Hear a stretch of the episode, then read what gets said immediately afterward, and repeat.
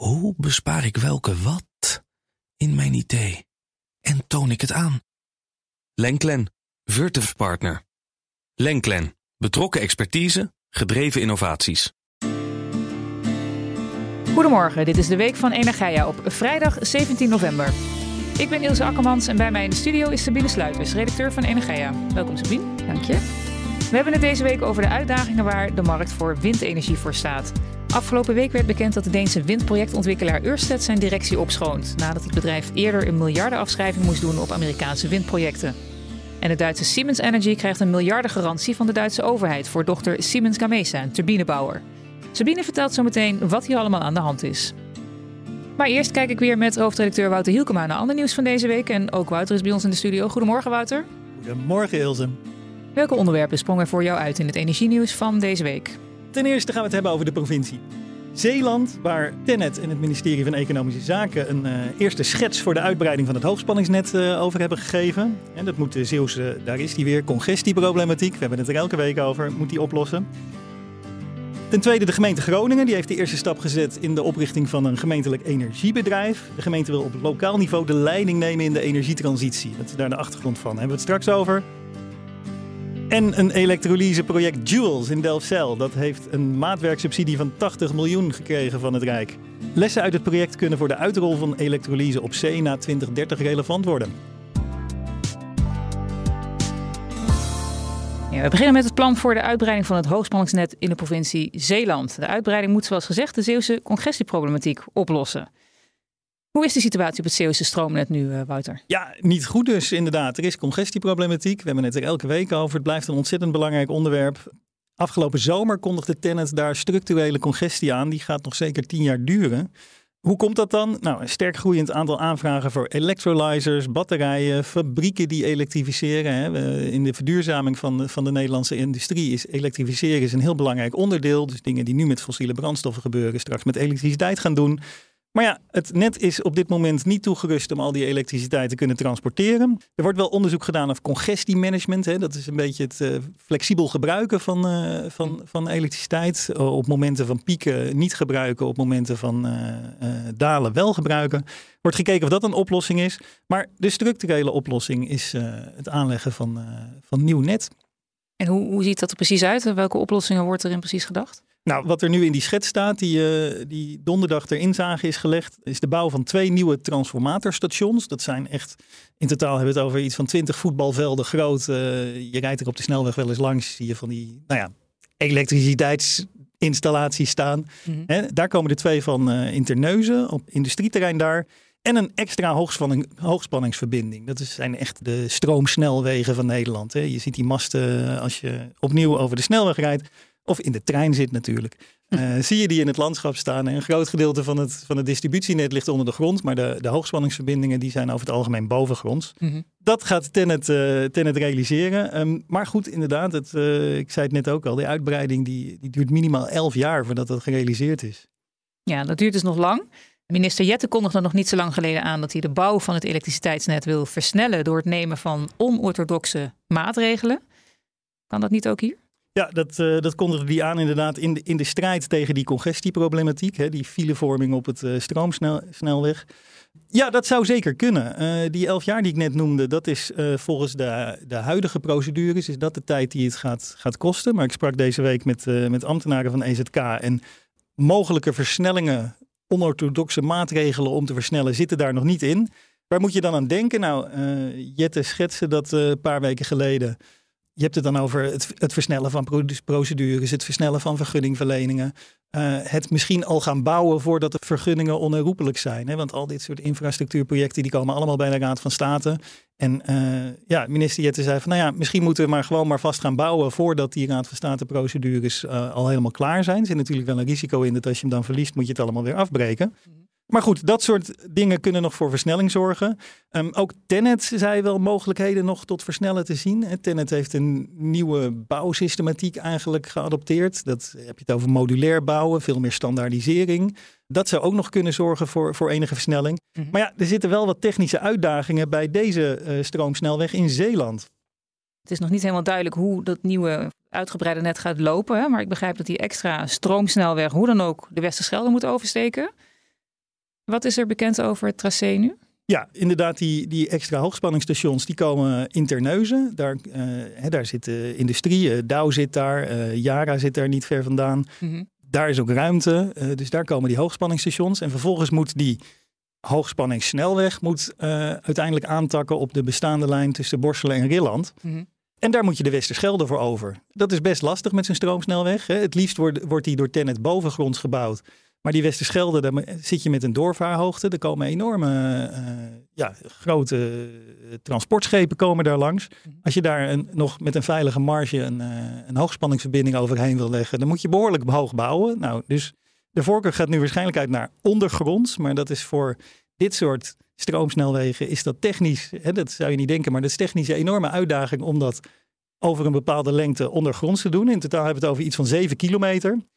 Hoe die route van die snelweg precies gaat, dat is nu nog niet bekend. Hè. Er is nu een zoekgebied ter inzage gelegd. Mhm. Maar het ministerie van EZK vindt het heel belangrijk. Hè. Dit soort dingen, nou ja, ik zei het net al, worden vaak aangevochten bij de rechter. Um, dat proberen ze te ondervangen door heel veel inspraak te organiseren. Dus er wordt nu al heel erg ja, op de trom geklopt van mensen in Zeeland, kom meepraten, kom meedenken. Het ligt allemaal nog niet vast. Uh, je zit natuurlijk wel met het moet allemaal veilig, er moet ruimte voor zijn, dat soort dingen. Dus er zijn wel een aantal randvoorwaarden waaraan het aan, moet voldoen. Maar er wordt heel erg ja, de verbinding gezocht met de omgeving uh, en opgeroepen tot participatie. Dus het is nu nog niet duidelijk hoe het precies gaat lopen. Dan gaan we naar je tweede onderwerp. De gemeente Groningen is bezig met het oprichten van een gemeentelijk energiebedrijf. De gemeente wil op lokaal niveau de leiding nemen in de energietransitie. Waarom doet de gemeente dat, Wouter? En wat is eigenlijk precies van plan? Ja, waarom ze doen het is precies wat jij zegt. Eh, Groningen wil de leiding nemen in de, in de energietransitie uh, op zijn grondgebied. Hè. De stad heeft zich tot doel gesteld om in 2035 klimaatneutraal te zijn. Mhm. Wat dat ook verder mogen betekenen, dat is vaak een beetje onduidelijk bij wat de, wat gemeenten, hoe ze dat precies definiëren. Ik heb dat, moet eerlijk zeggen, ik heb dat nu niet opgezocht voor Groningen. Um, maar ze willen daar de leiding in nemen. Dat betekent dat ze nu een holdingbedrijf gaan oprichten. Uh, een beetje technisch, maar een soort moederbedrijf waar toekomstig ondernemingen onder moeten vallen die, die zon- en windparken gaan, uh, gaan exploiteren. Dat wordt dan ook de exploitatiemaatschappij duurzame energie, Ede. Nou, het is voor Groningen niet uh, helemaal iets nieuws, zo'n gemeentelijk energiebedrijf. Ze hebben al met Warmtestad een bedrijf in handen. Dat is verantwoordelijk voor de aanleg van, uh, van warmtenetten uh, in verschillende stadswijken. En dat Warmtestad, dat wordt ook een onderdeel van dat gemeentelijke energiebedrijf, van die holding. Wordt een soort zusterbedrijf van, dat, van die exploitatiemaatschappij Ede. Mm -hmm. Maar ja, dus dat zijn hun plannen. Gebeurt het vaker dat lokale overheden een energiebedrijf oprichten? Ja, de laatste tijd zie je dat wel steeds, steeds vaker. We hebben uh, eerder, eerder dit jaar kwam in Hart van Brabant, waren zeven gemeenten die uh, met elkaar uh, die stap namen. -hmm. in Limburg hebben we het gezien, in de Achterhoek, dat is al wat, wat langer geleden. Kijk, vroeger was het heel gebruikelijk. Hè? Vroeger had je overal een gemeentelijk energiebedrijf. je ziet nu nog op heel veel elektriciteitskastjes, zie je nog wel GEB staan, hè? gemeentelijk energiebedrijf. Toen was een hele andere tijd. Toen waren de bedrijven ook geïntegreerd. Toen waren de netten en de productie en de levering waren allemaal in handen van één geïntegreerd bedrijf. En dus dat was voor de liberalisering. Dus het, het, was vroeger heel gebruikelijk. Dat wordt nu door die gemeente een beetje ter uitleg gezegd van ja, hè, het was vroeger heel gebruikelijk, dus we doen niks geks. Maar het was natuurlijk wel een andere tijd, want het was voor de liberalisering. Maar ja. je ziet het dus steeds vaker gebeuren, omdat die gemeenten grip willen hebben, noemen ze het vaak. Grip op de energietransitie. Ja, er komt dus een gemeentelijk energiebedrijf, maar private investeerders zijn nog steeds welkom, zegt de gemeente. Hoe ziet de gemeente dat voor zich? Ja, het, is, het, het, het lijkt uh, alsof uh, private bedrijven en private investeerders juist weggejaagd worden. Want in het zonnekader, wat uh, Groningen al eerder heeft opgesteld, daar, daar, staat gewoon letterlijk: wij geven geen ruimte aan nieuwe commerciële initiatieven. Mm -hmm. Punt. Dat, de gemeente wil het gewoon eigenlijk allemaal zelf doen. Maar zeggen ze ja, als er, als er private investeerders zijn, um, staat de gemeente wel altijd open om, om die plannen te bespreken en daarover over door te praten. Maar uh, wel onder voorwaarden van de gemeente. Dus je moet als private investeerder, je moet eigenlijk alleen maar op het, op het eventuele rendement uit zijn. Mm -hmm. Je krijgt niet het gehele eigendom van het project in handen en je krijgt al helemaal geen zeggenschap. Publieke regie vanuit de gemeente moet gewaarborgd blijven, zegt de gemeente. Ja. Ja, een gemeente dus die de energiemarkt opgaat, zitten daar voor de gemeente ook nog risico's aan? Ja, je zou denken van wel. Uh, als je als gemeente, als publiek bedrijf de commerciële markt betreedt, uh, dat komt met risico's. Nou, dat wordt ook wel onderkend. Hè, maar nou ja, je kan erover discussiëren of het, of het past binnen de taakomschrijving van een gemeente. Hè. Er zijn heel veel vrije marktdenkers die zeggen van ja, wat doet de gemeente op, op, het, op dat commerciële terrein? En moet daar wegblijven. Niet alleen omdat je als gemeente dan risico loopt met publiek, publiek geld, mhm. maar ook omdat je commerciële bedrijven gewoon in de weg zit. Anderzijds zeggen die gemeenten zeggen heel vaak van ja, uh, het is een publieke opdracht om bijvoorbeeld de restdoelen te halen, de regionale energiestrategieën. In onze perceptie pakt de markt dit onvoldoende op. Of als de markt het oppakt, dan niet op manieren zoals wij dat graag zouden willen zien. Dan heb je het met name over lokaal eigendom en zo. Mhm. En daarom moeten wij, om grip te krijgen op die situatie, moeten wij zelf actief worden. Dus ja, het is net hoe je, hoe je, hoe je visie op de, op de maatschappij en de marktordening is of, dit, ehm, of je dit toejuicht of niet. Maar dat, dat er risico bij komt kijken, dat, uh, dat staat buiten kijf. Dan hebben we nog je derde onderwerp. Elektrolyseproject Jewels in Delfzijl kan een maatwerksubsidie van het Rijk tot 80 miljoen euro tegemoet zien. Het project is belangrijk, want lessen eruit kunnen voor de uitrol van elektrolyse op zee na 2030 relevant zijn. Waar gaat het om in dit project, Wouter? Nou, het gaat inderdaad om uh, wat je zegt, een demonstratieproject. HCC die wil een uh, electrolyzer van 20 megawatt bouwen, die flexibel kan produceren. Dus uh, kan, kan meebewegen met, met de vraag, met de stroomprijs. Mhm. Ja, het is een beetje een, een, tussen het servet en tafellaken project. Het is, het is groter dan een pilot, maar het is nog geen grootschalige commerciële exploitatie. Hè. We hebben het in eerdere podcasts wel vaak over gehad. We moeten in 2030 of 2032 moeten we naar gigawatt schaal electrolyzers, hè, gigawatt schaal waterstofproductiefabrieken. Mhm. Ja, dan is 20 megawatt is, is, uh, is relatief klein. Maar als je kijkt wat er nu gebouwd wordt, hè, nu hebben we het meestal over 1 megawatt projecten, pilotprojecten. Dus dan vergeleken met dat is dit weer een stapje verder. Ja, het gaat dus om een zogeheten maatwerksubsidie. Welke afspraken heeft het ministerie gemaakt met het bedrijf? Nou, de belangrijkste is eigenlijk kennisdeling. Uh, het is belangrijk dat de lessen uit het functioneren van deze, uh, dit demonstratieproject, dat die breed gedeeld worden binnen de markt, dat anderen daar ook van kunnen, kunnen leren. Het Jules is, vindt het belangrijk om in de hele keten ervaring op te doen. Dus het gaat ook om de, de afzet van waterstof hè, bij, uh, bij industriële gebruikers of bij transportgebruikers. En het doel is echt om die techniek een beetje een stap verder te brengen. Uh, de techniek waar we het over hebben is hoge druk alkaline technologie. Nou, ik heb het ook even moeten opzoeken natuurlijk, maar innovatieve techniek die een kleiner oppervlak nodig heeft en minder schaarse materialen gebruikt. Dus dat, ja, dat is, dat is wel iets waar, uh, waar, waar ook anderen wat aan kunnen hebben. En er is nog geen definitieve investeringsbeslissing genomen over het project. Wat is daarvoor nodig? Nou, deze subsidie met name. Uh, dat is de belangrijkste uh, horde die genomen moet worden om hier een uh, finale investeringsbeslissing over te, over te nemen. Overigens, hè, die subsidie van 80 miljoen, die, dat is het maximum. Hè. Zo gaat het vaak met subsidies in duurzame projecten. De subsidie garandeert een marktconform rendement. Maar als de markt zo is dat de marktprijs zelf al zorgt voor dat marktconforme rendement. En dan wordt die subsidie weer teruggevorderd. Dus mm een clawback clausule wordt dat genoemd. Ja. Die subsidie ligt wel nog ter consultatie eh, voor. Dankjewel, Wouter. Dan gaan we het hebben over de uitdagingen op de markt voor windenergie op zee. Deze week werd bekend dat de Deense windprojectontwikkelaar Ørsted zijn directie opschoont nadat het bedrijf eerder een miljardenafschrijving moest doen op Amerikaanse windprojecten. En de Duitse Siemens Energy krijgt een miljardengarantie van de Duitse overheid voor dochter Siemens Gamesa, een turbinebouwer. Met redacteur Sabine Sluiters praat ik in deze aflevering over wat hier allemaal aan de hand is. Sabine, de financieel directeur en operationeel directeur van Ørsted zijn eerder deze week per direct opgestapt. Het bedrijf is op zoek naar een nieuwe koers. De ontwikkelingen rond het bedrijf volgen elkaar de laatste maanden in rap tempo op. Wat, wat ging er eigenlijk aan vooraf aan het opstappen van de twee directieleden? Ja, het lijkt erop dat er een aantal dingen niet eh, helemaal goed zijn gegaan. Ehm, twee weken geleden werd inderdaad bekend dat uh, een grote afschrijving moest doen van maar liefst 4 miljard op twee projecten in Amerika. Ze waren daar eh, bezig met het ontwikkelen van twee windparken, Ocean Wind 1 en 2. Die komen, moeten komen voor de kust van New Jersey. Maar daar ging van alles mis. ze hadden die contracten getekend in 2019. En ja, in de tussentijd waren en de rente en de inflatie enorm toegenomen. Mm. Dus alles, materialen, mensen, alles was duurder uh, dan waarmee gerekend was. Uh, en er was niet voor geïndexeerd. En daarnaast was afgesproken dat Ørsted windturbines zou gebruiken van, uh, die, die in Amerika gemaakt werden. En ehm, in ruil daarvoor kon het bedrijf ook belastingvoordelen krijgen. Maar die windturbine-industrie is uh, ja, nog heel jong in Amerika. Dus die spullen die waren niet op tijd klaar. En hetzelfde gold voor een installatieschip wat ze uh, moesten gebruiken. Mm. En uh, dat was ook niet op tijd beschikbaar, waardoor alles vertraging opliep. Nou ja, zowel operationeel als financieel een flinke zepert voor Ørsted. Ja, de Ørsted is niet het enige windbedrijf met problemen. Ik noemde net al Siemens Gamesa. Vattenfall kwam in het nieuws met de beslissing te stoppen met een project in het Verenigd Koninkrijk. En een aanbesteding voor wind op zee in het Verenigd Koninkrijk mislukte. Wat is hier allemaal aan de hand? ja, klopt.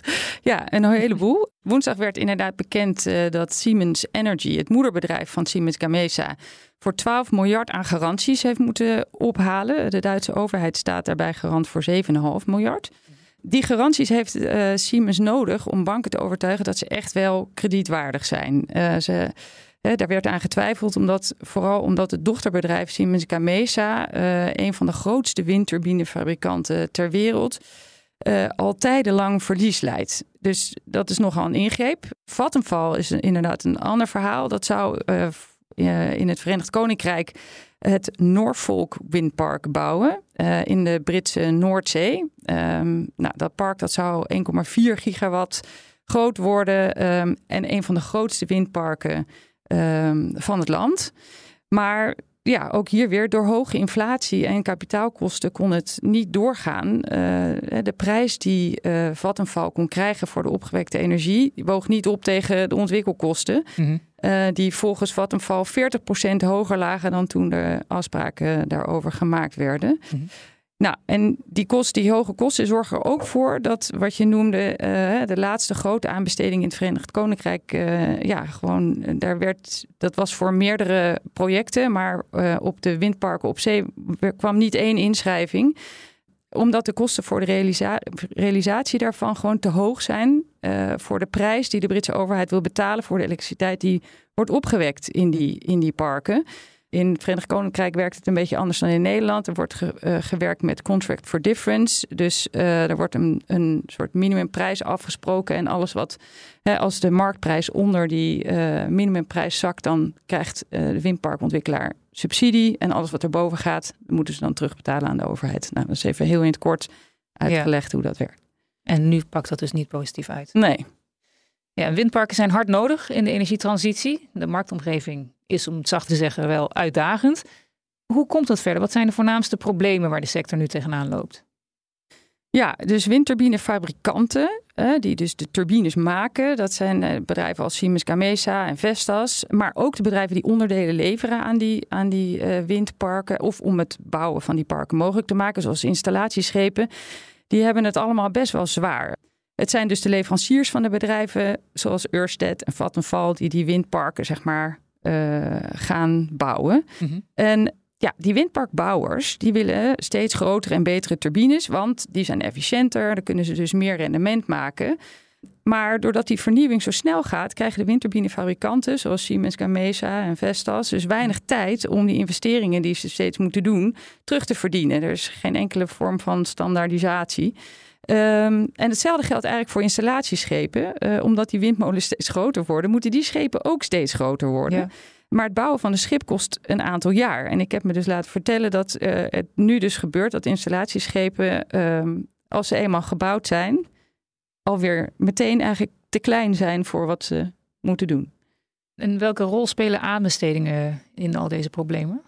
Ja, een hele grote rol. Vroeger konden windparken op zee alleen maar met subsidie worden gebouwd. Uh, toen kwam er een periode waarin dat niet meer nodig was. En inmiddels is het zo dat um, windparkontwikkelaars uh, zeg maar geld mee moeten nemen om die parken te bouwen. Dat, dat gaat in tenders of veilingen.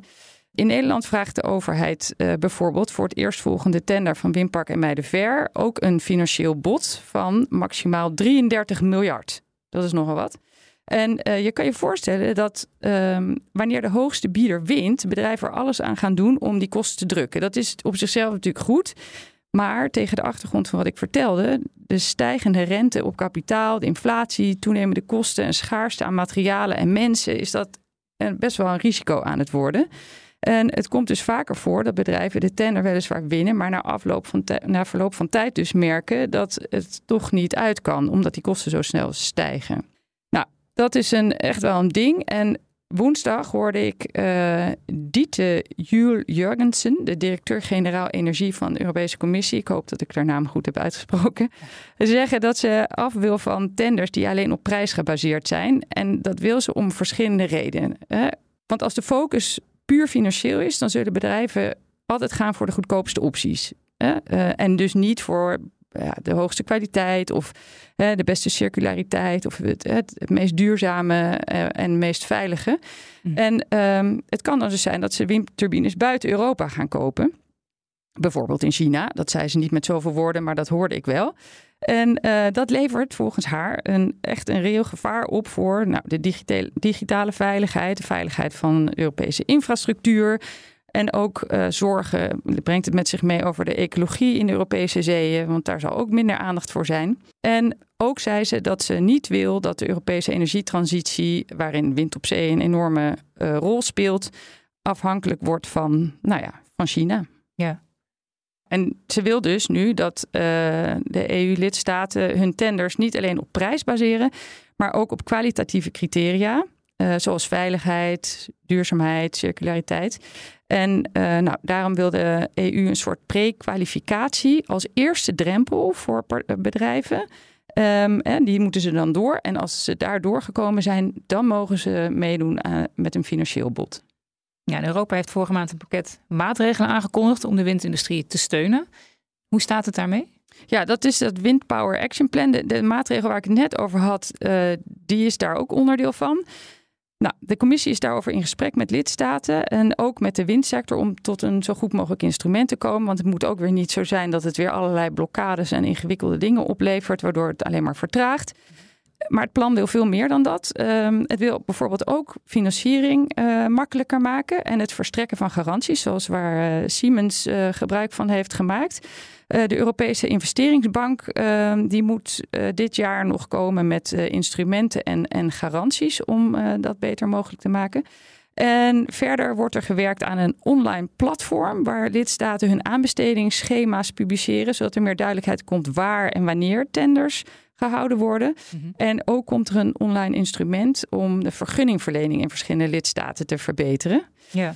Nou ja, dat zijn allemaal mooie maatregelen. Maar vanuit de sector hoorde ik ook wel geluiden dat uh, het heel belangrijk is dat ook de vraag naar windstroom um, uh, toeneemt. Want hè, we kunnen wel alsmaar windparken aanleggen. Maar als de vraag naar die groene stroom niet ook uh, gelijke tred houdt, ja, dan kun je wel op je vingers uitrekenen dat de business case niet helemaal goed gaat. Wordt daar ook aandacht aan besteed? Niet door de Europese Unie, maar wel door de lidstaten zelf. Ja, om nog even terug te komen op Ørsted. Dat bedrijf is ook actief in Nederland. Hebben de problemen van Ørsted gevolgen voor of in Nederland? Uh, ja, dat klopt. Sinds het debakel in Amerika uh, telt Ørsted zijn knopen. Dat kun je je voorstellen. Ze zijn scherper gaan kijken waar ze wel en niet actief willen zijn. Mm -hmm. En daarom lieten ze woensdag ook weten uit een groot Noors consortium te stappen. Dat daar een windpark uh, wilde gaan ontwikkelen. In Nederland is Ørsted eigenaar van windpark Borselen 1 en 2. Die liggen voor de kust van Zeeland. Daar gaan ze niet mee stoppen. Ik begreep van Ørsted dat Nederland gebouwd, uh, beschouwd wordt als een kernland. Um, dus een, echt een focusgebied. De Noordzee is aantrekkelijk uh, om windparken te bouwen. En de industrie zit dicht op de kust. Dus de stroom kan makkelijk uh, nou, aan land uh, komen. Ja. En ook nou ja, omdat ze hier dus al twee windparken hebben, zullen ze niet zo gauw vertrekken, is mij verteld. Mm -hmm. Begin volgend jaar gaan hier de tenders voor Emuidenver open. En nou ja, dat wordt natuurlijk heel spannend. bij de laatste tender voor Hollandse Kust West eind vorig jaar waren er zes partijen die daarop inschreven. En ja, we zullen zien hoeveel dat er voor IJmuiden ver zullen zijn. Uh, dat zal wel een beeld geven van hoe aantrekkelijk het nog is om in Nederland uh, windparken op zee te ontwikkelen. Dankjewel, Sabine. Dit was de Week van Energia met de laatste ontwikkelingen in de Nederlandse energiesector. Op energia.nl lees je meer. We zijn benieuwd wat je van deze podcast vindt. Laat het ons weten via podcast.energia.nl. Mijn naam is Ilse Akkermans. Fijn dat je luisterde en tot volgende week.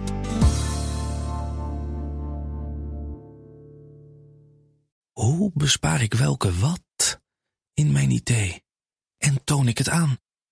Lenklen, Virtuf Partner. Lenklen, betrokken expertise, gedreven innovaties.